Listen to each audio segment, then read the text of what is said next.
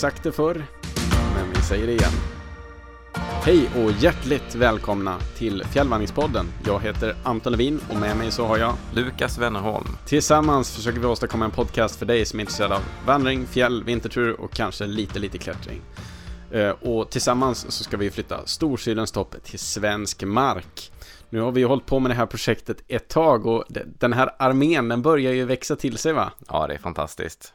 Jag undrar hur många stenar som har flyttats. Risken är väl att eh, när, vi, när vi drog igång den här podden så, så hade snön börjat falla och eh, det mesta av det här skräpet då blev liksom fastfryst. Eh, så att ja. risken är att vi inte får, kan se någon effekt av vår folkrörelse förrän liksom i slutet på sommaren möjligtvis. Precis, frågan är, man kanske har försökt flytta snö, men det är ju lite, det är lite förgäves då den ja. försvinner. Ja, det vore annars coolt om vi kunde anrätta en glaciär på... mm, en, eller en tillfällig topp ja. på jo, svenska precis. sidan. Vi, vi kanske skulle siktat högre att vi ska rädda Kebnekaises sydtopp.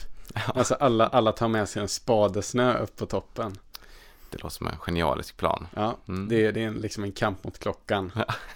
det är li, lite som de här projekten med att man, eh, man lägger eh, presenning på snö. Som jag inte riktigt har förstått. Jag vet inte om du har sett det här. Nej, jag tror jag har missat det. Både i Alperna och i Sverige. Eh, jag vet vid, vid, vid Helags glaciär har man gjort det. Kanske vid Sydnorrlands glaciär och vid Kebnekaise vid Björlings glaciär som har gjort det. Att man har tagit vit presenning och lagt på liksom ett, en, i en fyrkant på snön. Ja, men det har jag sett. Det har man ju gått förbi. Ja, precis. Ja. För, för, ja, jag vet inte vad man testar, men man vill väl konstatera att ja, men presenning skyddar mot värmestrålning, den vita mm. Och då smälter mindre snö. Okej, okay, ja men bra att ni kom fram till det. Eh, ja. Vad ska ni göra med det här? I don't know. Nej. Nej. Det känns ju dumt att lägga ut så här oändligt mycket plast i naturen för att skydda glaciären. Jo, det verkar ja. som ett uh, sätt att uh, motverka att det håller snyggt istället. Man kanske, man kanske ska ha liksom drönare som hovrar med en presenning så det skapar liksom ständig skugga över ja. en glaciär. Där har vi det. Ja, Genialiskt. Precis. Mm. Nej, nej, nej, jag vet inte. Men om, om någon vet vad liksom, vad, vad gameplanen med det här är, hör jättegärna av er. Eh, jag tycker det, det är säkert intressant. Mm. Eh, men eh, ja, mysko. Men det ser onekligen lite skräpigt ut när ja. man ser det. Lukas, vad har du gjort sedan vi såg sist? Ja, lite, lite allt möjligt faktiskt. Jag har spenderat ett, ett antal helger uppe i Dalarna och eh, åkt lite skidor, åkt lite skridskor och njutit av eh, lite mer vinter, vinterlandskap. Vad, vad har du hittat på? Jag började med, inledde allting med att ta en sväng till Romme Alpin. Oh. Eh, eh, Stockholmsförorten i Bålänge. Ja, nästan så, för att det går ändå direktbuss dit om man vill. Men vi var ett, vi var ett gäng som, som uh, hyrde, en, uh, hyrde en stuga i närheten och åkte dit över en helg. Uh, fick fick två riktigt, riktigt fina dagars skidåkning. Jag tycker att det börjar bli lite dyrt där. Tidigare mm. så har min uppfattning varit att de har, har varit lite billigare än Skistores anläggningar, men nu börjar även de eh, eh, knapra liksom på priset och, och eh, det liksom kostar över tusen kronor för, för två dagars skipass, vilket jag, jag tycker det, det börjar göra lite ont ja. att köpa skipass. Men, men eh, väldigt bra backar nära till Stockholm så och liksom man, man tar sig dit på, på två och en halv, tre timmar. Hur var, hur var snöläget då? Det var faktiskt väldigt bra. Bland de bästa gången jag varit där. Än så länge. Mm. Jag har varit där kanske okay. fyra, fem gånger. Ja. Och eh, det var ovanligt lite is. Eh, vilket gjorde att vi åkte i princip uteslutande svarta backar den här gången. Mm. Annars brukar det vara mycket isigt och sådär. Men ja. det var väl också, det var, det var 13-15 minus. Eh, oh, vilket gjorde, kallt. Ja, och det gjorde väl också att eh, det var inte lika mycket åkare som vanligt. Nej. Så att man eh, i den eh, svarta backen som jag liksom har som favorit eh, så var jag ibland ensamåkare. Vilket mm. gjorde att då, då vågade man ju ha lite roligare. Och det är ju lyxigt när man är själv och kan liksom trycka på lite och bara åka och njuta. Jo, precis. Inte så att man bara hm, undrar om det kommer stå någon precis nedanför kanten här när jag kommer i, i liksom 50 km i timmen. Gärna, gärna en hop med barn som ja. har samlats. Jo, Kanske inte precis. en svart backe i och för sig då, men eh, man vet ju aldrig. Ja, det, det kan vara det också. Men ja, eh, ja vuxna, barn, vi, vi fattar lika dåliga beslut oavsett. Absolut. Ja. klättrat lite, sprungit lite. Eh, och eh, framförallt den senaste veckan har jag varit sjuk. Och eh, jag trodde att det var en förkylning. Men jag är ganska säker på att det var influensa. Jag fick, eh, fick liksom feber sen. Eh, jag fick irriterade ögon. Eh, så jag grät ja. hela tiden också. För först tänkte man att ah, jag kanske kan jobba hemifrån. Men sen konstaterade att om jag satt och tittade på skärmen så började det bara rinna i ögonen. Mm. nej, nej, okay. nej då, då, då vet man att då är det dags att faktiskt vara lite, lite sjukskriven. Ja, ja precis. Ja, nej, så det, det, det var en väldigt tråkig vecka. Mm, jag kan tänka mig det. Kollat mycket serier. Till, kanske till och med du har varit så pass sjuk att du inte varit och tränat. Uh, nej, precis. Igår var liksom första dagen ja. som jag började röra på mig lite. Och eh, för den som inte vet, vi fick ju till och med skjuta på inspelningen av podden för att allt ja. här var lite dålig. Det är vi nog eh, bägge glada för. Ja, jag tror också det. Ja. Så vi får höra Anton när han säger något. Ja, precis. Specialavsnitt. Eh, i, fram, I framtiden kanske vi gör något avsnitt sjuka, men då lär vi sitta på länk och mm. kanske inte vara riktigt lika sjuka som jag var.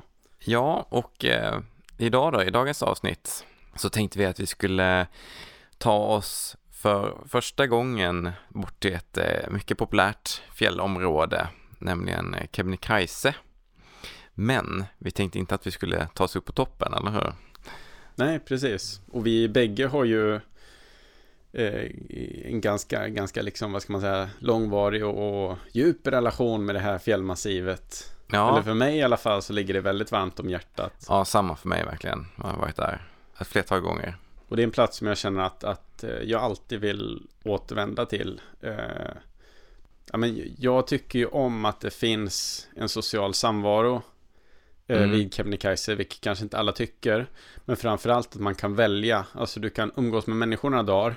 Ja. Sen kan du dra ut och vara helt för dig själv några dagar. Och sen umgås med människor igen. Du måste liksom inte välja. Nej. Eh, utan du kan göra precis som du vill och det gillar jag. Man kan liksom eh, utgå därifrån. Det är, det är så nära liksom ett Chamonix vi kommer i Sverige. Ja, precis. Det är så häftigt, det finns ju både mycket fin vandring i området, men det finns också mycket klättring för den som tycker det är roligt och, och är man där på vintern så kan man topptura. Det är verkligen ett så här, man får allt som fjällen har att erbjuda på en plats. Ja, det är fantastiskt. Utom och, liftar. Utom liftar, ja. Men det, det kanske man kan eh, slippa faktiskt. Ja, ja. Vi vill nog inte ha några liftar till Kebnekaise. Nej. Enligt, tycker jag i alla fall. Nej, jag håller med. Mm.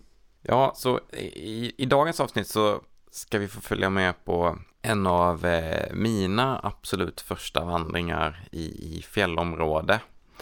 Eh, precis som för väldigt många andra så, eh, så Kebnekaise lockar ju för att det finns, det är ju Sveriges högsta topp liksom och det är ett område som är väldigt, väldigt känt. Man vet att det är ganska lätt att ta sig dit för att det finns liksom anordnade bussar som tar sig hela vägen ut till den här eh, startplatsen och eh, ah, det är allmänt känt och det finns en, stort, en stor fjällstation som man vet att man liksom kan, kan hänga vid om det skulle vara dåligt väder och sådär.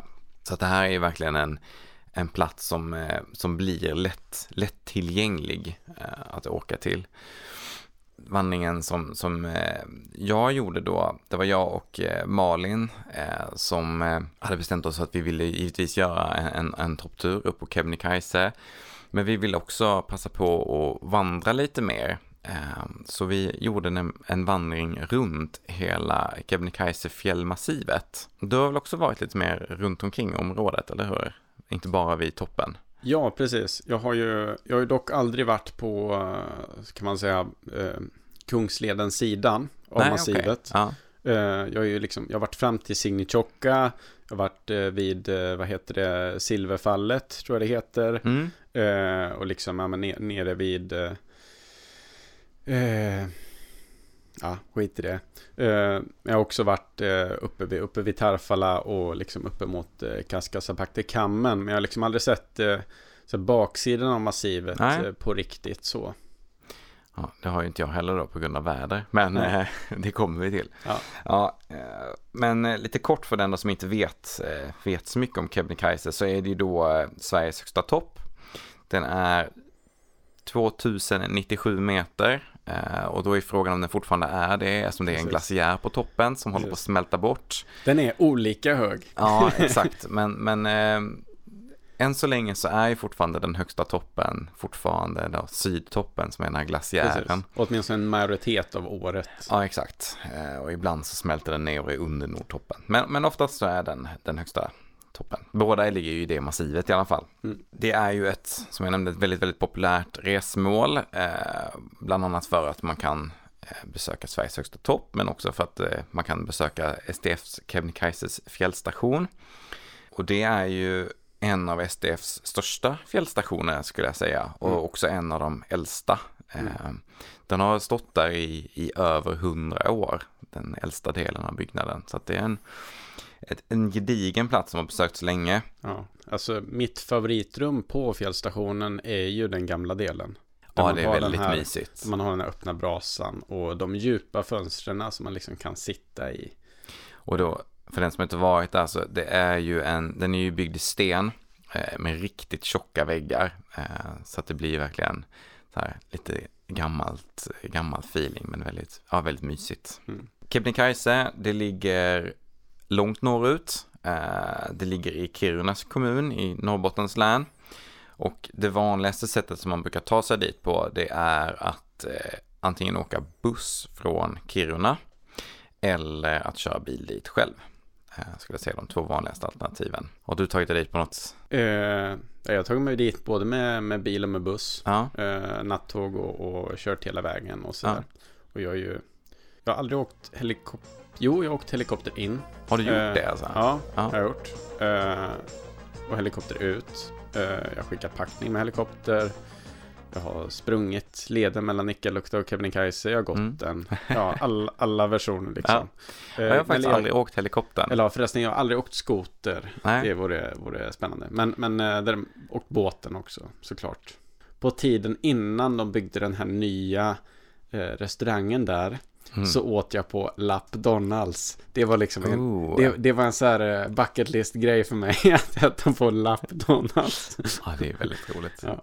Och eh, man, man går ju då, för att ta sig in till, till Kebnekaise fjällstation, så eh, från Nikkaluokta, där bussen stannar och där bilparkeringen är, så är det en 18 kilometer lång promenad in. Eh, och det går även att åka helikopter från Nikkaluokta till Kebnekaise fjällstation på sommaren. Eh, och det är för den som har svårt att, eh, svårt att ta sig in själv eller om man eh, helt enkelt har lite bråttom eller känner sig lite lat så kan man åka helikopter in. Precis. Men man får ju betala en slant för det såklart. Och jag vill, jag vill lägga in en brasklapp här. Ja. För att jag hade ju väldigt tydliga åsikter om helikopter i fjällen i ett annat avsnitt. Mm, ja. Och vill säga det. Absolut, absolut, jag är en hycklare. Men det finns, dels så tycker jag att eh, det, det är förkastligt ur liksom ett, ett utsläppsskäl. Absolut. Mm. Men framförallt att eh, alltså den är förutsägbar för rennäringen. Mm. Det funkar liksom väldigt bra med hur man hanterar renen och det finns tydliga säsonger. Däremot när man tittar på heliskiing, eh, alltså när man eh, flyger helikopter för att åka skidor, då kan ju helikoptern åka vart som helst. Och sen så ja. skidåkarna åka vart som helst. Och det är det som liksom stör renen. Och det är ju desto mer problematiskt. Ja, och sen tror jag också att den, den, den främsta anledningen till att den här helikoptern flygs, det är ju att flyga in varor till fjällstationen. Ja. Mat och, eh, och dryck och, eh, och allting som behövs för att driva den och sen flyga ut soporna. Ja. Så det är ju inte att transportera folk som är den främsta anledningen för helikoptrarna. Utan det är för att hålla igång fjällstationen. Mm. När jag och Malin planerade den här turen, det var ju ja, jag tror det är sex år sedan kanske, fem, sex år sedan eller något sånt där. Då var vi båda eh, ganska oerfarna fjällvandrare. Eh, vi hade spenderat en hel del nätter i tält och sådär och varit ute och, eh, ja, ute i friluftsliv, men in, inte spenderat så mycket tid uppe i så här högfjällsmiljö som ändå Kebnekaise är. Och sen var vi ju dessutom fortfarande studenter båda två, så för oss var det viktigt att den här turen den kostade så lite som möjligt. Eh, vi gjorde ju då inte helikopterturen in bland annat. Eh, men framförallt så Ah, jag kände, mm, vi har inte riktigt råd att köpa en karta. Nej, det måste vi undvika. Så vi, vi skrev ut så här fyra, fem ah. blad från, eh, från eh, Lantmäteriets kartor. Ah. Eh, och så ritade vi in då, vi hade tänkt att vi skulle gå. Och sen plastade in dem i såna här klassiska små plastfickor. Och, så Och så, eh, Hur förslöt ni plastfickorna? med tejp. Ja. Mm. Ja. Det funkade faktiskt helt okej. Ja. Det regnade ju större delen Ja. av den här turen. Så att eh, kartorna var bara lite förstörda. Ja. Men, men det gick bra. Så att eh, det är ju då ett, men jag skulle verkligen rekommendera att lägga dem 100 kronor som det kanske kostar att köpa en, en, riktig, en riktig fjällkarta som överlever både väder och vind. De håller länge och de är vackra. Ja, och det är också roligt att ha, sitta Ja. hemma och titta på sådär. Eh, men förutom det så hade vi också, ingen av oss hade liksom ett riktigt ett tält som var så här, kanske bra att ha i, eh, i fjällmiljö där det blåser lite mer och så. Så vi lånade ett, gammalt klassiskt fjällräventält av Malins föräldrar. Och det är ett sånt här eh, åsryggstält, alltså det, det alldeles klassiska. Inte ryggås. Är det ryggås? Ryggås är ju de här triangulära. Ja, okej. jag, jag, tror heter, jag tror det heter så i alla fall. Okej då. Ja. Ett sånt tält i alla fall. Mm. Och det var säkert från i den här, den här klassiska fjällblå, äh, ljusblåa fjällrävenfärgen. Och eh, det var nog ett tält som varit med åtminstone sedan eh, slutet på 80-talet i alla fall. Så det var eh, en riktig klassiker. Och så lånade vi lite ryggsäckar och sådär. Men det var, det var, det var kul liksom att kunna återanvända grejer liksom. Men vad det, vet du vad mycket det vägde? För de kan ju vara ganska lätta. Mm. Det var, det är det som var grejen, det var ett förvånansvärt lätt tält. Ja. Det var, tog inte så mycket plats eh, och det var väldigt litet och den hade en, en superintressant konstruktion för själva tältpinnen. Liksom. För Mm. det var liksom två så här stänger som höll Mm. uppe höll uppe då den här ryggen på taket. Och de, de gick liksom så här, plocka isär i tre delar och lägga, så här, lägga rören i varandra. Ja, Det var ja, en cool design och de var faktiskt, det var ett lätt tält. ja. Men, eh, men det har inte bara fördelar. Nej. Eh, Det finns ju en anledning till att tälten inte ser ut så längre. Ja. Eh, Men vi kommer nog till det också. Jag kände ganska mycket att ja, men det, det känns tråkigt att bara åka alla dessa mil upp till, till Kebnekaise och bara gå in och ut och gå upp på toppen. Så det vore ju roligt att faktiskt göra någon mer vandring. Eh, så vi sökte runt ganska mycket så här på eh, de klassiska internetforumen som, eh, som används för, för fjäll, svenska fjällturer och sådär. Vi var- Jag tror vi var inne på utsidan och kanske någon annan sådär. Och då var det någon som tipsade om att man kunde gå runt hela Kebnekaise-massivet på en tre eller fyra dagars tur. Och då kände vi direkt, wow, det här måste vi göra. Jag bara, oh, det här, det kändes eh, perfekt. Det är så fantastiskt med, med, med erfarenhet. Då släpper ju liksom de här, det där tunnelseendet i begränsningen. Med erfarenhet så kan man ju bara titta på kartan och konstatera, jag kan gå vart som helst. Ja, Men utan erfarenhet så är det liksom bara, eh, Nej, man har Nej, ingen aning nej, liksom. Man har ingen aning. Och eh, har man då inte heller en fjällkarta hemma och kanske inte heller är så van vid att titta på en fjällkarta så vet man inte riktigt vad man får, kan Nej. eller vad som är rimligt att gå och hur, det, hur är miljön liksom. Alltså vi var väldigt osäkra och kände verkligen så här, ah, vi måste, vi måste veta att det är hyfsat lätt gott, liksom att någon annan har gjort det här innan. Men så fort vi såg då att någon rekommenderade det här och sa att det var vackert och eh, ändå lite utmanande, då kände, vi, då kände framförallt jag direkt bara yes, det här ska vi göra. Eh, och vi eh, bestämmer oss faktiskt att vi ska ta bilen upp den här gången. Så vi, vi, lå, vi lånar en bil och efter cirka, cirka 15 timmars körtid ungefär, så det är ganska långt. Det är, det är många mil att köra. Och eh, vi stannar, när vi kommer dit så är klockan runt så här, eh, sex eller sju på kvällen. Så att det är fortfarande ljust ute som det inte blir mörkt. Men man har kört bilen i ganska många timmar och är lite mosig sådär. körde ni på en dag? Mm. Ja. Och ändå var framme så tidigt. Ja, Då måste ni ju startat. ja, vi startade mitt i natten. Ja. Mm. Men så turade vi om att Ja. eh, sova i bilen sådär.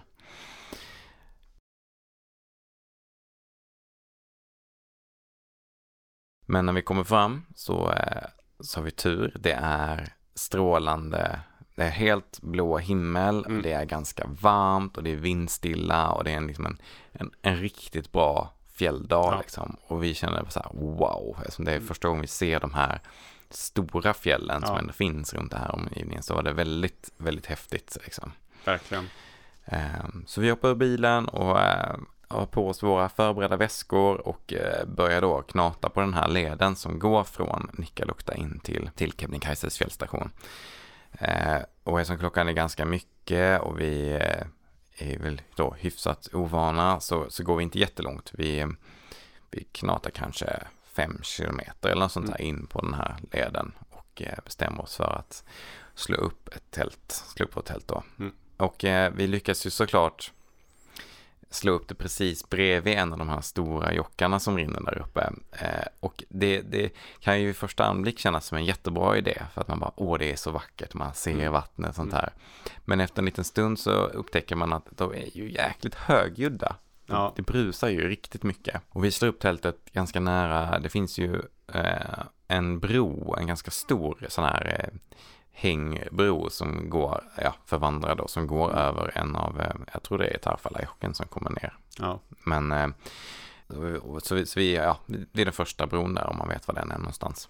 Så ser vi på ett tält. Alltså det är ingen, det är ingen liten jock som bara liksom låter lite trevligt utan nej, nej. forsar. Ja, ja visst, ja, visst. Och den, den är ju, säkert där vi slog tältet, där är den ju eh, utan överdriva sett så 20-50 meter bred liksom. Mm. Så den är ju stor där. Mm. Den är ju också väldigt vacker, så vi tänkte ja. att det här blir ju perfekt. Men eh, ja, kanske inte. Men är man så trött, eftersom man har kört bil i 15 timmar så sover man gott ändå.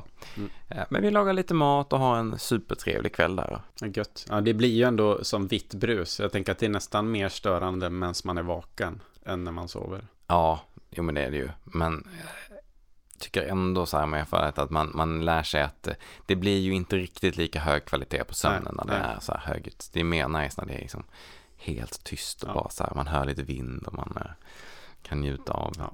att vara lite själv och inte vara i storstadsmiljö. Mm. Den här vägen då in från Nikkaluokta, det är ju en, eh, en väldigt välgådd stig. Den är ganska bred. Man ser ju det att det, man är ju knappast den första som har gått in här. Liksom, utan den är väl förberedd, vilket är väldigt skönt om man inte har gått så mycket i fjällen förut. Där är en superbrant fjällsida som man passerar in under som heter Garmasbakti. Eh, och den är verkligen en en helt vertikal fjällsida som, som sträcker sig upp ganska, ganska nära leden där man går. Det blir liksom, är det, är det ens första upplevelse av så här höga fjäll så är det verkligen så här nästan lite skräckinjagande när man ser hur den kommer upp framför en. Liksom. Precis. Bakti eller Pakte betyder väl också brant fjällsida? Ja vill jag säga på det. Ja, mm. precis. Ja, det, Väldigt det, många av, av fjällen har ju ett namn som slutar antingen på Pakti eller Bakti. Och det brukar generellt sett vara brantare ja. fjäll. När vi eh, vaknar upp här morgonen efter så har eh, vädret fortsatt varit super, super bra. Eh, det är stor sol och vi kan verkligen njuta av att då gå in till Kebnekaise. Och efter att man har gått, jag tror det är cirka en mil va, nio kilometer och sånt där, så finns det en liten båtterminal eh, där man kan eh, åka, eller terminal är det fel, men där finns, där finns en brygga och eh, från den här bryggan. hus. Mm, och där kan man åka båt en liten bit längs, längs älven som går där. Och det är väl för att spara lite på benen men också för att man får fantastiska vyer ner från Precis. vattnet. Så det är väl typ 5-6 kilometer. Mm. och det, är 350-400 kronor ja, per passagerare tror jag det är idag. och drivs av familjen Sarri. Mm. Har du eh, åkt med båten? Ja, det har jag gjort eh, en gång. Hur är utsikten från? Eh... Nej, men den är väldigt fin, framförallt när man kommer in i, den, i det ring, liksom ringlande floddeltat. Ja. Eh, och den liksom, du vet, snirklar sig. Båten snirklar sig med den här snirklande floden. Ja, eh, det är väldigt, ja. väldigt fint. Så det är absolut eh, rekommenderat att pröva. Mm. Ja, jag har faktiskt aldrig åkt med den. Mycket så här, man bara, mm, jag ska gå. Ja. Jag tycker också att hela den här vandringssträckan är väldigt fin mm. och är värd att gå. Eh, jag tycker också det. Jag tycker ju att man känner nästan inte att man tar de, alla de här höjdmetrarna. Alltså det kommer ju lite backar och så. Men det är inte så här jättebrant. Jag, jag minns det inte som att jag någon gång tyckte att det var en så här tung vandring Nej. på den där stigen. Utan höjdmetrarna nästan kommer gratis. Ja, det är väldigt lätt. Men ofta, jag tänker också för att det är för att man har um när man kommer fram så är man ju oftast ganska pigg och igång. Ja, liksom. ja. Sen är det värre när man ska gå tillbaka. Men då upplever jag att man, man går nästan lite nedförsbacke. Jo, precis. Så då är det lite lättare. Ja. Men när vi går in, då, då var det ju jättevarmt. Alltså det var jättefint väder. Och eh, vi vart eh, nästan lite så här uttorkade för att man bar lite för lite vatten med sig. Liksom, ja, det är inte så långt till nästa, nästa ställe där man kan hämta vatten. Mm. Men på något ställe där så, så lyckas man ändå gå lite torr. Liksom. Men eh, man ska inte klaga på att det är fint väder. Eh, men vi, vi knatar hela vägen in till, eh, till Kebnekaises fjällstation dagen därefter eh, för att vi har planerat att vi först ska göra toppturen. Men eh, toppturerna upp på Kebnekaise, de sparar vi till ett annat avsnitt. Eh, men vi slår upp vårt tält eh, en liten bit ifrån fjällstationen. Det finns ju lite regler här för hur man får lov att tälta. Eh, det finns en, en ganska klassisk liten sluttning en liten bit bort från fjällstationen där majoriteten, skulle jag säga, mm. slår mm. upp sina tält. Precis, för att det är myggfritt. Precis, det är lite, lite blåsigt där va? Ja, precis, det är lite, lite blåsigare, men framförallt slår man upp tältet i kitteln så är man ja. ju hyfsat skyddad från vind. Eh, slår man upp det på platten ovanför, då är man ju väldigt exponerad. Ja. Men ja, myggfritt i alla fall. Men vi går ner lite grann. Vi, vi, vi går ner liksom bakom fjällstationen ut på platten nedanför. Eh, för vi hade ju så himla fint väder och det var liksom helt, helt vindstilla i stort sett. Så vi kunde liksom tälta, då kunde man tälta var som helst. Ja. Men man kan märka det att eh, är, är det inte vindstilla, vilket det ganska sällan är, eh, då är ju tältmöjligheterna är lite mer begränsade. Mm. Framförallt om man har ett sånt här lite äldre klassiskt tält. Och den första sträckan av vår planerade tur då runt Kebnekaise-massivet, då ska vi gå från fjällstationen upp till Tarfala-stugan har vi tänkt. Och det här är ju en tur som, som man rekommenderar att göra från fjällstationen om man bara är där för en topptur för att det är ju en fantastisk vacker dal man går. Så när man går från fjällstationen så kommer man tillbaka över till en eh, ytterligare en sån här hängbro som går över eh, den här Tarfalajocken. Och den i sig är också supervacker för man går ut på den här bron så är det kanske ett, ett 30 meter dropp ner till, till själva jocken och så är det så här superbranta eh, klippsidor. En sån här kanjon som jag pratat om i Exakt. tidigare avsnitt. Ja, den har verkligen, man ser verkligen hur, hur vattnet har skurit ut en, eh, en ränna i, stenen. Liksom, ja. Det är väldigt häftigt. Och det är en sån här plats man känner wow, man är rätt tacksam över att det finns en eh, bro här. För ja. hade det inte funnits en bro då, då vet man inte hur man skulle ta sig över. Då har man fått gå mycket, mycket längre ner och försöka vada över den. Men ja. Eh, det är mycket vatten som ja. rinner här. Så vid den här eh, bron över så svänger man uppåt i dalen. Så man börjar liksom knata uppåt mot den lite mer bergiga miljön och då går man som i en, en ganska djup dal. Och i början så är det väldigt fint och väldigt mycket växtlighet. Det är ganska grönt eh, och det rinner liksom som små vattendrag ner längs sidorna lite överallt. Liksom. Så det är väldigt mycket vatten och det är väldigt fint. Och så knatar man i takt med att man går uppåt så ser man hur växtligheten, liksom, den inte dör ut, men det blir mindre och mindre. Trycks tillbaka. Ja, verkligen. Och det blir mer och mer blockig terräng. Liksom. Och här börjar det bli ganska brant. Har man inte vandrat så mycket förr så kan, så kan det nästan kännas lite, lite brant att gå här. För man går ju det går lite, det snirklar sig lite upp och ner och sen är det ganska välgott så att det är också ganska löst, liksom mycket mm. krusigt och sådär. Men det är fortfarande helt klart värt att, att, gå upp här. Tidigare så var det ju så att det fanns en, en elledning, alltså elledningsstolpar som gick den här vägen också. Ja. Uh, vissa stolpar kanske till och med stod kvar, det minns jag inte. Men man hade i alla fall en sån här luft, luftledning upp dit. Mm. Men i och med att den här, liksom, den här dalen har ju väldigt branta sidor så liksom, eh, ja men vartannat, vart tredje år så kom det ju en lavin som drog ner liksom en av de här stolparna. Så till slut gav man ju upp med det där och drog en jätteful eh, men fungerande elledning på backen. Som ni mm. ser ett liksom stort svart rör nu som ligger efter backen så är det då elen som försörjer Tarfala forskningsstation och Tarfala stugan med, med el helt enkelt. Precis. Och eh, när man börjar komma upp lite närmare Tarfala stugan då övergår terrängen till att bli väldigt blockig eh, och väldigt mycket sten. Så man går från, det blir, det blir lite det här klassiska månlandskapet som ja. man pratar så mycket om. Eller som vi pratar ganska mycket om. Att det blir väldigt mycket stenar och block som man hoppar över och nästan ingen växtlighet alls. Och dalen breddar även ut sig ganska mycket och man får lite mer och lite större utsikter. Och då ser man den här forskningsstationen som ligger uppe vid, eh, uppe vid Tarfala. Och det är en forskningsstation som bedrivs av Stockholms universitet.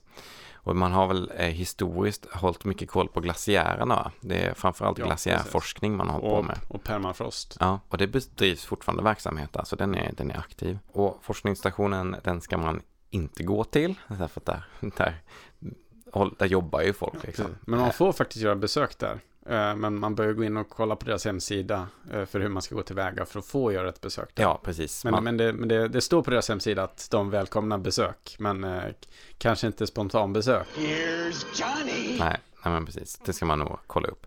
Men leden eh, går inte, den går inte in i forskningsstationen utan den, den går en liten bit bort därifrån. Eh, men man går förbi där och efter ett tag så, så kommer man fram till Tarfalla-stugan. Och från Tarfalla-stugan så ser man Tarfalla sjön eh, som sträcker ut sig. Det är en ganska liten sjö, men den är liksom så riktigt djupblå liksom, och, och verkligen iskallt och helt klart vatten. Mm. Eh, det, det, är verkligen en syn och så ligger den liksom mitt i det här stora stenröset. Liksom. Det är som en liten kittel med bara kajsten och så den här sjön då. Precis, och sen så ser man ju, man ser ju storglaciären, mm. man ser isfallsglaciären lite längre norrut ja. som är liksom lite mer, ja men utifrån namnet, den är lite mer dramatisk. Det är så här stora seracker kallas det, men stora isblock som liksom, man ser att den håller på att välta över. Exakt, liksom. och, den, och den liksom faller hela vägen ner i den här sjön. Eh, vilket är en, ja, det är en riktigt häftig ja. syn. Och har man aldrig sett en glaciär förut så det är verkligen respektingivande för det är enorma eh, isblock liksom som man ser och man kan inte föreställa sig hur man någonsin skulle kunna gå på en glaciär och just precis där kanske man inte heller ska göra det. Och, och tittar man över Tarfalla sjön rinner, den, den smalnar av och så rinner den ner och blir Tarfalla jocken. Och tittar man över den så är det som, det går som två ryggar upp i glaciären av sten. Eh, och så är det glaciär på varje sida om de här ryggarna. Och där går lite, lite klassiska så här, klätterleder. Precis. Där det brukar gå mycket kurser och sånt på de här. Precis, på södra och norra Klippberget. Som de heter, precis. Och man ser även upp hela vägen till, till Kebnekaise. Men när vi går, då... Var det snöfritt? Ja, det var snöfritt, ja. ja. Jag, jag har ju gått över det där stenfältet när det har varit det är tre decimeter snö som man ah. går igenom. ah, man går runt och halkar. ja, eller och du vet, det är ju liksom hål mellan stenar mm. och skit, så mm. man får superförsiktig när man ja. verkligen sätter ner fötterna. Ja, ja det, var, det var hemskt. När vi gick där så var det definitivt snöfritt. Jag tror det var i lite senare på säsongen, ja. om det var i slutet på juli eller augusti eller något sånt där som vi gick där. Eh, men vi passerar förbi Tarfalla stugan direkt och eh, börjar knata förbi sjön och då kan man gå på, på den högra sidan av sjön där då glaciärerna inte faller ner, eh, där kan man vandra och det går en markerad led. Och den är då markerad med sådana små stenrösen. Liksom. Eh, men den finns även utmarkerad på kartan. Så kan man gå runt hela sjön och så kommer man som till, bort till en liten, ja, det, det, är en morän är det, vilket är en eh, i stort sett en grusrygg, en ja. grus eh, som sticker upp ur marken och den kan man då knata upp på bredvid bland eh, och det är här leden går. Man ser det, det är många som har gått här förut liksom. Så att det är, det är som en upptrampad stig nästan i den här grusryggen.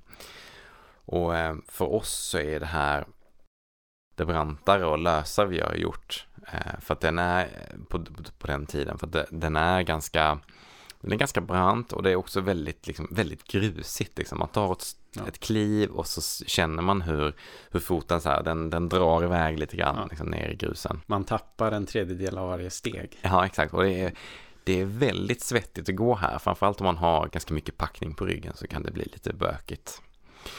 Eh, men vi eh, vandrar upp längs den här ryggen och eh, när man kommer upp längst upp så är det ett litet snöfält man måste passera för att liksom komma upp och runt in i nästa dal. Ja, snöfältet, det är väl kanten på glaciären är det. Eh, men eftersom det går en markerad led här så känner vi oss ganska säkra på att man, man, man kan gå här utan att behöva gå ut på glaciären. Ja. Och vi hade bara några, några hundra meter längs det här snöfältet för att komma runt. Men det var lite, det var lite obehagligt då vill jag minnas. Vi tyckte det var lite annorlunda. Bara, oh, kan, får man och kan man gå på glaciären liksom? Vi visste ingenting. Och tyvärr har ju vädret här slagit om lite för oss. När vi kommer upp på toppen av den här eh, moränryggen så ser man ju ut över hela Tarfaladalen. Eh, man ser den här sjön och man ser både forskningsstationen och, eh, och själva stugan. det har börjat regna lite grann och sådär och det börjar bli ganska kallt. Eh, Taffalastugan ligger ju ändå på lite högre höjd så det är ju inte alls lika varmt där som det är nere vid Kebnekaises fjällstation. Vill man ha dåligt väder i svenska fjällen eh, så är Tarfala en utmärkt plats för att hitta det. Och vill man ha sol så är det ofta Kebnekaise fjällstation. För det, du får ju verkligen helt olika väder. Ja. Och det är ofta så att molnen fastnar liksom kring de höga fjällen och mm. liksom fjällstationen kanske klarar sig och får lite mer uppehåll. Precis. Jag kan också känna just att det är, så, att det är en så otroligt stenig miljö, eller mm. sten och is. Så blir det då det här lite gråare vädret. Ja. Så det är inte jätte, en jätte, en inbjudande känsla. Nej. Utan man kan verkligen känna sig bara, oh nu är jag på en plats där jag inte riktigt hör hemma. Liksom, för att det är så här, det kan verkligen bli så här riktigt grått och kallt. Liksom. Ja. Man känner sig inte så välkomnad. Och det är ungefär det här vädret som det blir för oss. Eh, men eh, vi, vi fortsätter en liten bit till. Och när man kommer upp över eh, ja, morgonryggen eh, så framåt då så kan man se ganska långt in i nästa dal och där finns även en, en liten sjö som heter Svarta sjön och eh, den är sannoliken helt, helt svart liksom. Den är nog ganska, jag vet inte hur djup den är men det är någonting med det här vattnet som gör att den blir liksom så här riktigt, riktigt djupblå slash nästan mm. helt svart. Framförallt då i det här lite, lite gråare vädret som vi hade. Precis, som mörka stenarten som finns här också. Ja, det lär ju vara det som påverkat mm. hur mycket mineral i vattnet. Eh, och här uppe är det, det är väldigt stenigt, eh, ganska mycket block och sådär och kanske inte det man i första hand tänker sig att det är så tältvänligt. Men som tur var så är man ju inte först på den här platsen utan det har ju vandrat många andra här förut och eh, man har byggt upp som små så här stenvallar och jämnat ut ytor där det faktiskt går att slå upp tälten. Så vi slår upp eh, vårt tält på en sån här liten, en liten platå där det finns en liten stenvägg. Och då kommer vi till det här då med nackdelen med de här lite äldre eh, tälten som bara står upp med två pinnar är att de kräver en ofantlig mängd med eh, snören och tältpinnar. Liksom. Mm. Och, eh, linor? Ja, eller, ja tält, tältlinor och även liksom så baspinnar ah, för att hålla uppe mm. hela tältet. Jag tror säkert det var så här bara 20 stycken eh, bara för att hålla uppe tältet. Liksom. Eh, och eftersom det är sten så går det ju inte att trycka ner dem i marken utan man blir så illa, ja, man blir så illa tvungen att knyta dem runt stenar ja. eller liksom så här klämma fast dem under stora stenar. Så det tar ju lite tid för oss att slå upp det här tältet eh, och verkligen göra så att det känns vindsäkert. Men eh, till slut så får man ju upp det. det, det fördelen är att det är ju det är ett lätt tält eh, men inte helt, inte helt lätt att slå upp alltid. Så vi, vi lagar middag uppe vid vår lilla tältplats och eh, sover gott eftersom vi har vandrat ganska långt, ganska många höjdmeter upp till Tarfala. Så det var en, en fin vandring under dagen. Såg ni något av eh, Kaskasabaktes eh, sydvästkam här i, i tältplatsen? Eller var det för dåligt väder? Ja, det var lite för dåligt väder. Det var lite dimmigt. Men framförallt så med våra printade kartor ja. från, eh, från Lantmäteriets hemsida så, så visste vi inte så mycket om vilka, vad, vad som fanns att titta på. Liksom, utan vi var mest bara så här överväldigade av att det var liksom stora bergssidor och berg överallt omkring en. Liksom. Så vi, vi funderade inte så mycket på vad som var vad och vilken fjällsida som var vilken ja. och så här. Och identifiera vad som var ryggar och kammar och sånt där. Ja, det var lite, ja, det var lite innan vi lyckades eh, vara mer intresserade av eh, bergsklättring och sådär. Men det är ju en, eh, det är, det är ett ganska dramatiskt berg som är ganska brant mm. Eh, och brukar sägas vara den svåraste av Sveriges 2000 meters toppar att ta sig upp på. Och sydvästkammaren är liksom då eh, liksom en så här bucket list mm. led att, att klättra upp för. och där det också har skett en helikopterolycka för ungefär 20 år sedan. Där man skulle genomföra en räddning av några klättrare och helikoptern kraschar in i väggen. Precis här där ni tältar ungefär så finns det ju en så minnestavla efter ja. den olyckan. Väldigt hemskt att det har skett. Framförallt ja. under en räddning också. Att det ja. blir, istället för att bli någon som blir räddad så blir det bara en värre olycka. Ja. ja väldigt hemskt.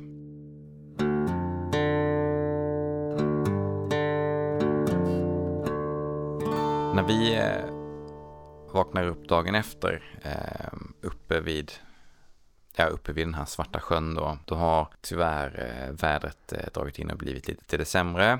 det är ganska dimmigt är det, så att man, man ser inte så långt fram som då är en sån här polartopparna här runt omkring. De är liksom, de är långt försvunna uppe i molnen.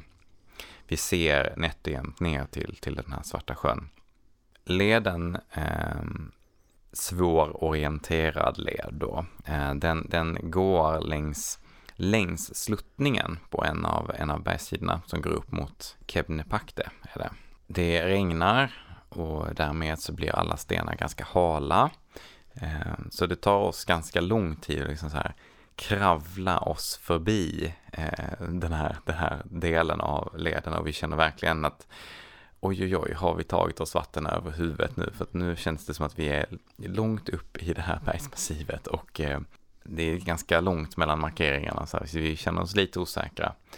Men som, för den som funderar på att vandra här, det är ju i en dal. Mm. Så det är ju svårt att gå vilse. Man kan ju inte gå så långt åt sidan för där kommer bergen att sätta stopp för en. Liksom. Ja, Om man nu inte känner sig lite äventyrlig. Det finns ju ett alternativt vägval att göra här. Mm. Där ni är. Mm. Och det är ju att gå över drakryggen. Eh, som det, det, är ju då ett, ett väldigt långt berg. Går, om man... Men den kommer lite längre ner från där vi ja, är. Men, jo, ja, men den kommer ja, där ja. Precis. Exakt. Så det, det, är ju ett turalternativ för dig som vill eh, testa något ännu mer utmanande. För det, den, eh, den ska vara hyfsat enkel att ta sig över. Man får använda händerna lite men inte liksom riktig klättring så som jag har ja, precis. Det behövs ingen klätterutrustning för det. Ja, jag har precis. en kompis som har gått där. Man behöver, man behöver väl ha ett eh, ett hyfsat äventyrligt mindset, ja. men man behöver ingen speciell utrustning för att gå där. Och så är det väl trevligt om man har lite bra väder också, ja. så att det blir njutbart. Ja. Men efter att vi har äh, tagit oss förbi den här ganska branta sidan och äh, kravlat över alla de här stora blöta hala stenarna äh, så kommer man till som en lite smalare eh, passage. Och det är i den här passagen som man, då kan man se drakryggen om man vet var man ska titta någonstans. Och när vi kommer dit så är det väldigt dimmigt. Och vi är lite osäkra på var, vart går egentligen den här leden? Och känner, tittar på våra kartor och ja, vi ser ju här att här till vänster så ska det dyka upp en, en, en glaciärsida och, och till höger ner så ska man se ett, ett litet floddelta. Men vi ser inte så mycket alls utan det är mest bara dimmigt. Så vi går på lite grann, vi ser att det kommer sådana här små rösen som, som markerar ut stigen och vi fortsätter fram över den här blockiga terrängen. Och plötsligt så, så blåser, blåser dimman lite bort. Och då ser man hur den här glaciären som är det är, som en, lite, det är en liten del av glaciären som heter Rabbots glaciär. Man ser hur den plötsligt dyker upp. Och den är, känns som att den är väldigt nära och vi blir båda ganska så här, ganska överväldigade. Oj, shit, där var den liksom. Bara, den vill man ju inte gå nära. Den kändes väldigt läskig och skrämmande. Eh, men då vet vi åtminstone att vi är på rätt väg. Vi svänger raskt av bort från glaciären, för den ska man inte gå mot om man går den här leden. Och så kommer man ner då till ett litet eh, floddelta eh, där det rinner ganska mycket vatten. Så här, här fortsätter liksom leden ut över det här lilla vattendraget och alla små bäckar och sådär. Så här tar vi av oss skorna och eh, försöker att eh, vad, det är, det är väl synd att kalla det för ett vad, för det är inte så djupt, det kanske är upp till eh, ja, strax över vristerna. Men det är djupt nog för att man skulle bli helt dyngsur om fötterna om man skulle gå ner med, med skorna. Så vi, vi vill inte ha blöta fötter, så vi eh, gör som man då inte ska och eh, vadar barfota. Eh, och det här var då eh, det har vi inte läst att man inte ska göra, så ja. det tycker vi funkar superbra. Vi håller på att göra lite research kring att skada sig i fjällen. Ja. Och det, det, det, det var en person som delade med sig av sin turberättelse att eh, han hade eh, ja, vadat barfota och skurit upp foten. Mm. Aj, aj, aj. Ja, det, det rekommenderas inte att vada barfota just för att man ser inte ner genom vattnet. Man vet inte riktigt vad man sätter fötterna på och det finns hög risk att man trampar på någonting vasst. Mm. Men vi slipper det, tar oss förbi vårt lilla floddelta och eh, utan skadade fötter, lite blöta, lite kalla fötter, men, eh, men åtminstone torra skor och, eh, och eh, hela fötter. Vi knatar ner eh, och då kommer man till en dal som heter Gobervagi. Jag eh, kan ju inte lova att det uttalas riktigt så, jag är inte så bra på mitt, sam mitt samiska uttal, är inte så bra. Men den är helt, det känns verkligen som att man har skurit ut en halv cirkel. Den känns som att den är, ser verkligen helt rund ut liksom när man kommer ner här. Och även terrängen börjar bli lite, lite lättare. För att det är fortfarande stenar, blockiga, blockiga stenar, men de är lite mindre och de sitter hårt fast liksom, så det är ganska lätt att, att gå på. Och det som är roligt är här att vi känner bara wow, äntligen lite lättare terräng att gå på, det är inte så halt, det går fortare att knata över de här, de här stenarna, blocken är mycket mindre. Då möter vi ett, eh, ett par, en tjej och en kille som går det motsatta hållet. Så då ska de alltså upp och ut mot Tarfala. Vid den här tiden så, då är, jag tror att klockan är, ändå börjar ändå närma sig eftermiddag i alla fall. Så att klockan är kanske tre eller någonting sånt. Mm. Och vi har ändå vandrat i kanske några timmar i alla fall och känner att just den här biten vi har gått, den var ju ganska tuff liksom att vandra. Den här killen, han är vid supergott mod och tycker det här är toppen. Hans tjej är inte alls lika peppig. Hon, hon känner mer bara, åh nej, åh nej.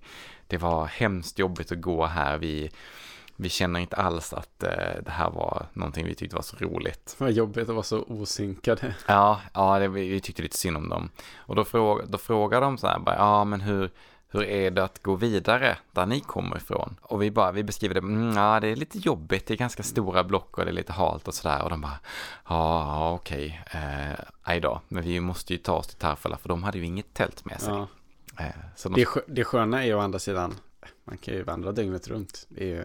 Exakt, det blir ju aldrig mörkt, nej. Men vädret kan ju fortfarande ja. vara eh, inte så roligt. Det är lite kallare på nätterna. Ja, det småregnar fortfarande lite grann när vi är ute. Men eh, det har liksom, dimman har blåst bort och sådär. Men eh, så att det kommer att lite, åtminstone vara lättare att hitta. Men då beskriver de för oss att eh, vidare ner i dalen så är det också ganska jobbigt att gå. Och tänkte vi, ja okej, okay, tänker vi, ja då får vi kanske förbereda oss på att det kommer att ta ganska lång tid.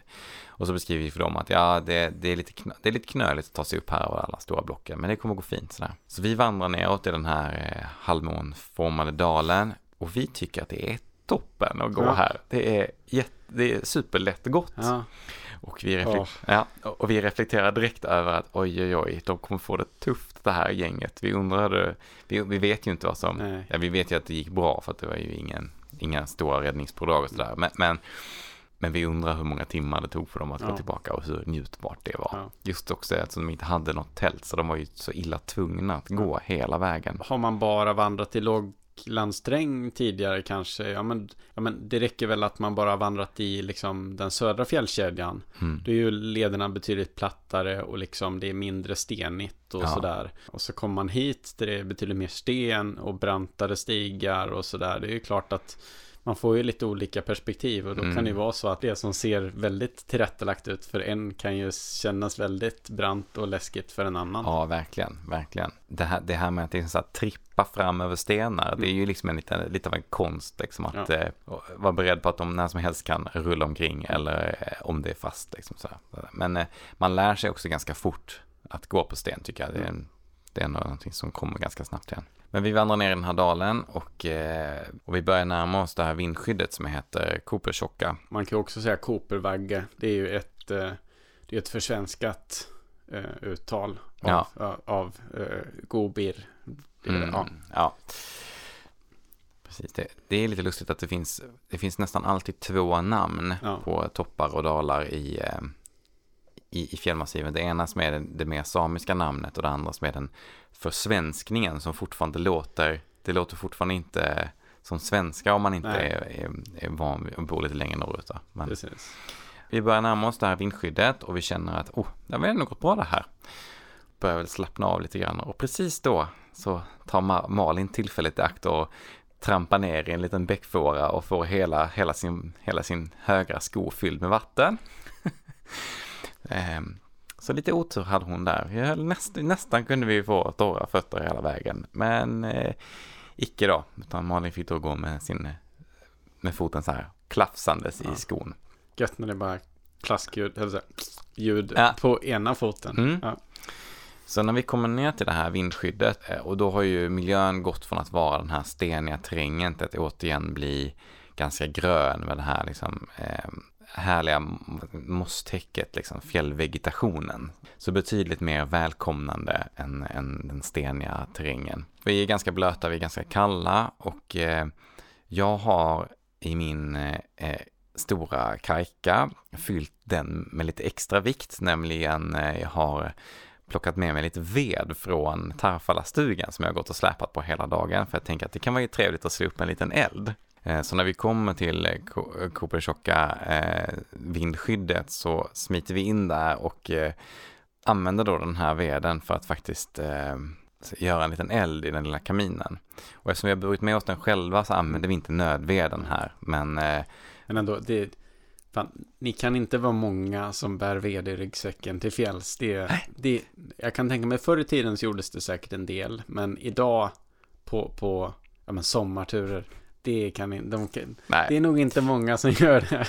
Jag kan säga att det här är den enda gången jag gjort det. Ja. Ehm, för att vi, och jag, jag varit rätt trött för att min mm. väska den var rejält tung. Och eh, jag lärde mig mm, efterhand att här behöver inte, man behöver inte ha med sig ved. Mm. Eh, det är kanske inte är värt att bära på framför allt. Men just precis när vi kommer ner till den här stugan så är vi faktiskt ganska nöjda över det här. För då kan vi ju vi göra en liten eld och vi, man fick ganska snabbt blir det ganska varmt i, det mm. här, i det här vindskyddet. Vilket är super, super skönt. Så vi hänger upp våra kläder och låter dem torka lite grann. Eh, och värmer oss lite grann. Vilket är bra för Malins eh, då kalla fot. Som har gått, i, gått då en timme eller två i den här blöta. Eh, efter att hon trampade ner. Så vi värmer oss där, käkar, käkar middag i, i den här, vid den här lilla stugan. Och eh, tar en välförtjänt paus. Eh, och efter det här så, men vi stannar inte och sover där utan vi, vi fortsätter gå en liten bit till. Och då går vi bort mot, eh, mot Singistugorna eh, som ligger på vägen tillbaka då. Då har, vi nästa, då har man gått runt nästan hela eh, stora delar av Kebnekaise-massivet och sett det från baksidan. Eh, och när vi kommer ganska nära Singis så att man ser, så att man ser stugorna, då, eh, då tänker vi att då är det dags att slå upp tältet. Och då har också vädret slagit om igen och blivit eh, superfint. Mm. så nu är det plötsligt blå himmel igen.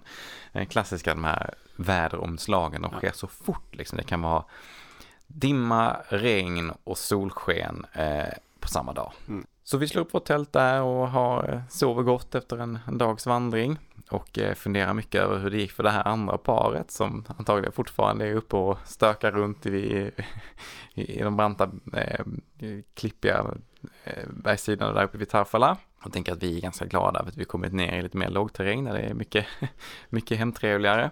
Sov en god natt och sen dagen efter det så går vi från Singi tillbaka till Kebnekaises fjällstation. Och då går man ganska långt ner i dalen i lite mer, lite mer grönt fjällandskap. Men Singitjokka som är ett, eh, ett rejält fjäll, en ganska stor bergssida som dyker upp då till vänster om oss då. Är också väldigt vackert att titta på liksom. Och den är väldigt rund. Det är som en, det är som en klump. Ja, exakt. Det är liksom, ganska brant längst ner och så rundar den av mot toppen. Så det är liksom inte ett sådär spetsigt berg, men det är ändå väldigt brant och väldigt stort. Så häftigt att gå förbi, verkligen. Sen fortsätter vi då att vandra hela vägen upp till, till Kebnekaises fjällstation igen.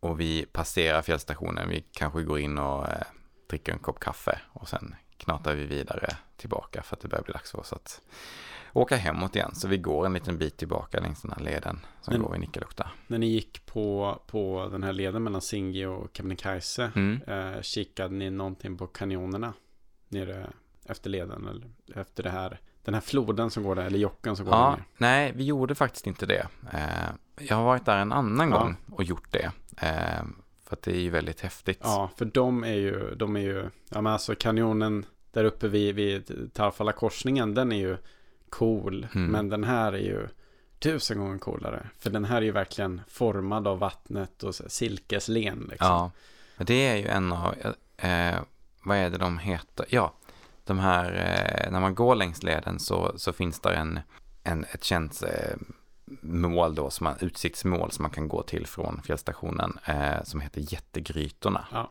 eh, och de ligger där. Ja. Och eh, vid ett annat tillfälle så har vi varit ner och tittat på dem. Och det är verkligen som, som att han beskriver det. Vattnet har skurit ut jättestora lustiga formationer Precis. i bergssidan. Det är liksom nästan som när man kan se bilder från Jordanien.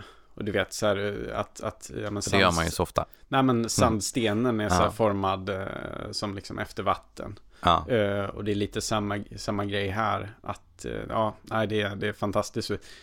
Jag skulle ge min högra arm nästan eh, för att få se det utan vatten. Tänk, Ja, när det är helt tomt. ja, precis. Ja. Tänk och se det. Det vore ju... Tänk att vandra där nere. Det vore så coolt. Ja, det varit väldigt häftigt.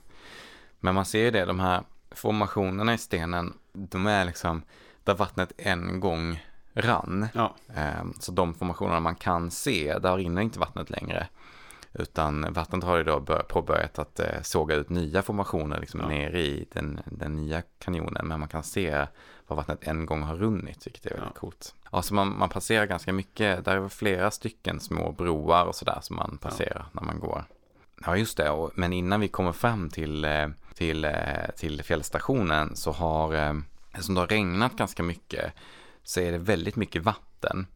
Och man går i ett så här lite ljunglandskap med så här små, eh, små ljungbuskar, liksom, så går leden mellan alla ljungbuskarna. Och eh, vi ser att det finns en liten bro eh, som ska gå över då ett lite mindre vattendrag. Men på båda sidorna om den här bron så är det fullt med vatten.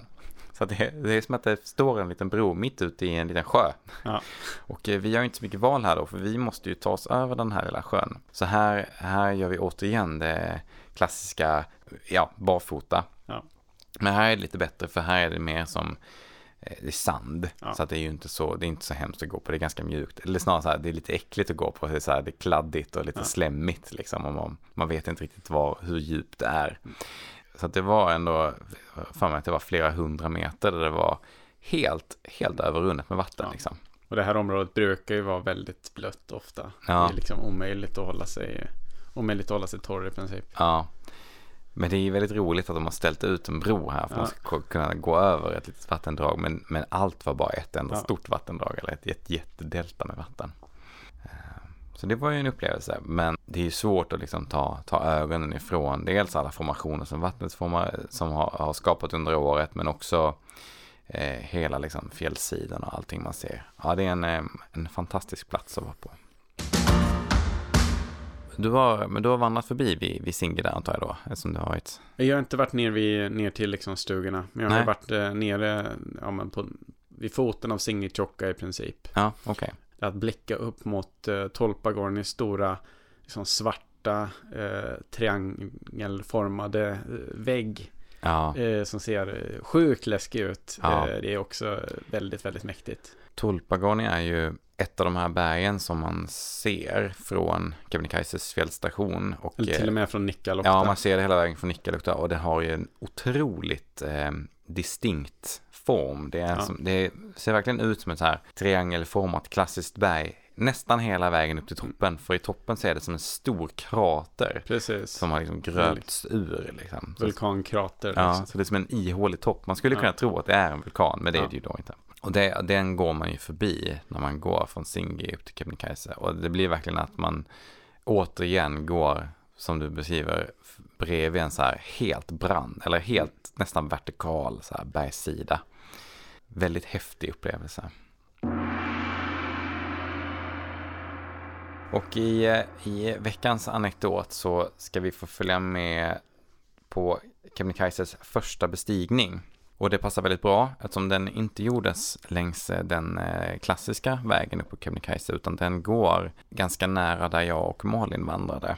Och den personen som brukar anses vara första bestigaren av Kebnekaise det är en fransman som heter Charles Rabot. Eh, och det är alltså den Rabot som har gett namn på en av de glaciärerna eh, som man ser går upp mot Kebnekaise. Och Charles Rabot gjorde 1883 slag i saken.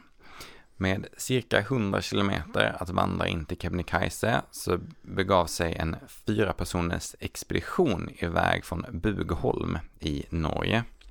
Eh, och de hade som mål att vandra 30 till 35 kilometer per dag. En gedigen sträcka får man säga. Ja, på den här tiden framför allt. Ja, eh, och eh, med sig till hjälp hade de en häst som de bar lite grejer på. De reste enkelt, de hade enbart med sig en uppsättning med tallrikar, en uppsättning med tallrikbestick och kaffepanna samt två koppar. Precis, så de hade alltså en tallrik, eh, liksom en uppsättning bestick. Ja, Så de fick liksom äta i, eh, i omgångar. ja. Och de hade med sig corned beef, te och gevär för att jaga. Jag vet faktiskt inte riktigt vad corned beef är för något. Inte det typ eh, pressat eh, köttblandning? Ja. typ, men det är väl en konserv. Ja. Liksom, eh, som ingen ingen i vår ålder skulle äta, men som man kanske, om man, om man är liksom född på 40-50-talet, kanske man ja. eh, har större chans att uppskatta det. Och det var väl en av de få sakerna som fanns som var konserverade då. Ja. Man åt inte så mycket frystorkat misstänker jag. Nej, precis. Och man lyckades eh, faktiskt eh, fälla lite ripor som man sköt eh, för att dryga ut maten under tiden man var ute. Och Charles Rebois reste tillsammans med Jon Larsson, eh, Per Abrahamsson och Hans Monsed, som var fyra stycken eh, som var på den här turen. Och man tog inte alls den vägen som, som den populära Västra leden är idag, utan man gick ifrån eh, där Coopershocka vindskyddet idag står. Det var där man hade sin utgångspunkt när man gjorde sin bestigning. Och dagen de anlände så var vädret utmärkt. Eh, det var varmt och strålande sol och med tanke på värmen och att Rabot endast hade med sig ett par byxor så valde han den här dagen att lämna dem vid tältplatsen. Så han hade alltså idén om att han ska bestiga Kebnekaise då iförd endast kalsonger och med två av sina följeslagare. Så här kommer då ett litet citat från, eh, som han skrev ner från turen. När man under två månaders färd över glaciär utan tillbud, när man traverserat 20 forsar i dålig bark utan att göra skeppsbrott, då säger man sig att mänskligheten består av två kategorier. Folk som har tur och de som inte har det och man inordnar sig i den första kategorin ända fram till den dag då man slutligen kullerbyttan kommer. Fantastiskt. Ja, det är väldigt roligt. Bland lös sten och snö så tog de sig upp. Eh, och stenar stora som fotbollar kommer flygande förbi dem när de tar sig upp längs den här eh, glaciären. Stön var hal och eh, dåtidens skodon eh, var inte särskilt imponerande. Man klev igenom snön om och om igen på vägen upp, men i den fina eftermiddagssolen så tog de sig till toppen cirka klockan sju på kvällen. Då var temperaturen cirka noll grader så att man kan tänka sig hur kallt det var om han bara var där uppe i ett par kalsonger. Så förhoppningsvis så var det väl inte allt för blåsigt så att de frös, frös benen av sig. Eh, och vid midnatt så var de åter nere vid sitt tält igen och eh, här konstaterade man att man hade tre dagars mat kvar för hela expeditionen. Så då var det hög tid att ge sig tillbaka till civilisationen. Och det är ju imponerande då för att det fanns ju knappast någon eh, fjällstation Nej. eller något annat inom Nej. nära räckhåll.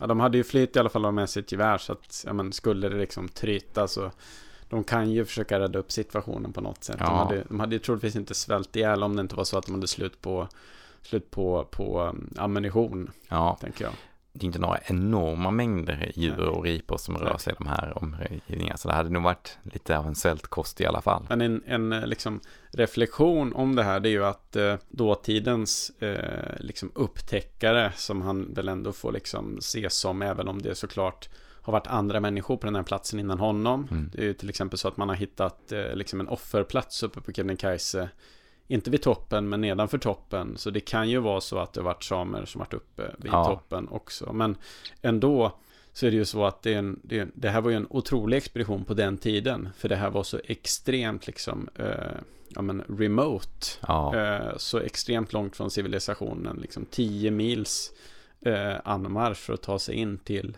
till liksom fjällfoten. Ja. Och eh, Inga broar och inga tillrättalagda leder, nej. ingenting. Knappt och, några kartor ja, fanns det ju. Och dessutom, ja men, idag så har vi, vi har utrustning som är på en helt annan nivå. Mm. Eh, generellt sett skulle jag säga att människor har större vandringskompetens än vad Rabot hade. Man har troligtvis, ja men har man vandrat ett tag eh, då har man ju liksom, ja men man kanske har gjort ganska många tältnätter och ganska många vandringar och sådär. Ja. Eh, Medan på den här tiden så man var liksom inte ute och vandrade varje gång man var lite ledig och framförallt man var inte ledig lika ofta. Nej. Väldigt många av de här tidiga vandrarna var ju inte så erfarna egentligen utan hade väldigt mycket tur och väldigt mycket mental styrka. Verkligen på jakt efter ett äventyr. Ja. Rebo har ju då getts eh, credit för att vara den första på toppen men det är ju omöjligt att veta vem som faktiskt var först ja. upp. Eh, kan ju mycket väl ha varit någon tidigare Ja. Om man nu har, vill ta sig upp i den här ödes, ödesdigra miljön. Ja. Och, och anledningen till att man gick från Norge är ju också för att eh, det var ännu längre och oländigare att gå från Sverige, svenska sidan. För det fanns ju liksom ingenting inom någon, någon nära, på något nära håll. Liksom, Nej, då fick man ju starta i Kiruna. Ja, och det är ju ganska många mils approach ja. det. Mm. Det var den lilla anekdoten.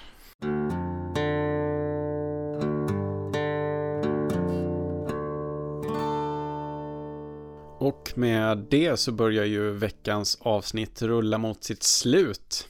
Glöm inte att prenumerera på oss i ditt flöde. Vi som gör den här podden heter Anton Levin och Lukas Wennerholm. Eh, och om du uppskattar det vi gör, sprid gärna ordet så att vi kan fortsätta prata om vandring från våra vardagsrum. Vill du komma i kontakt med oss så hittar du oss på Instagram under Fjällvandringspodden och eh, jag heter Anton Levin på Instagram och Lukas heter Lukas Wennerholm på Instagram. Så tack så jättemycket för att du har lyssnat och ha en fantastisk vecka.